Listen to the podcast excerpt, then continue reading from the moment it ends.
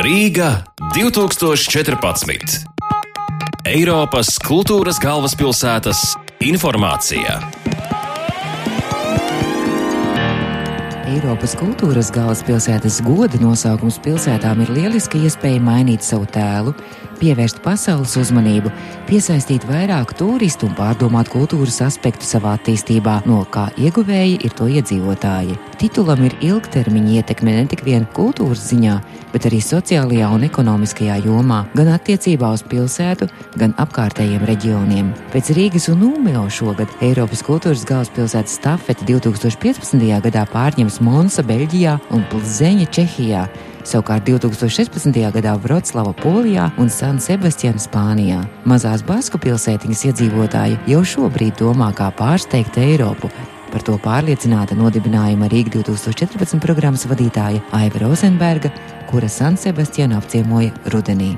2016. gada Eiropas kultūras galvaspilsēta būs San Sebastiāna, Spānijas ziemeļos. Tā ir Basku zeme, vienmēr bijusi neatkarīga ar savu domu, ar savu prātu, ar savu kultūru, ar savu valodu, kas tur joprojām tiek izmantota un ļoti aktīvi. Tā viņu basku kultūra ir jūtama visur. Viens no ļoti interesantiem projektiem, ko jau šobrīd ik viens var apskatīt San Sebastiānā, ir basku vaļu medniecības kuģa celtniecība vai būvniecība. Izrādās, ka jau 16. gadsimtā basku zvejnieki ir ceļojuši tālu līdz pat Kanādas krastiem un medījuši tur vaļus, un pēc tam taisījuši vaļu eļļu un izmantoja to apgaismošanai. Tā bija to dienu elektrība. 1985. gadā pie Kanādas krastiem ir uzietis šāds basku kuģis, avarējis. Arheologi ir ieguldījuši milzīgu darbu, lai viņu izpētītu un katru pa daļiņām tur izvilktu sausā krastā. Tagad viņi ir nodevuši šīs zināšanas arī baskiem. Un nelielā pilsētiņā pie San Sebastiānas šobrīd var apskatīt, kā tiek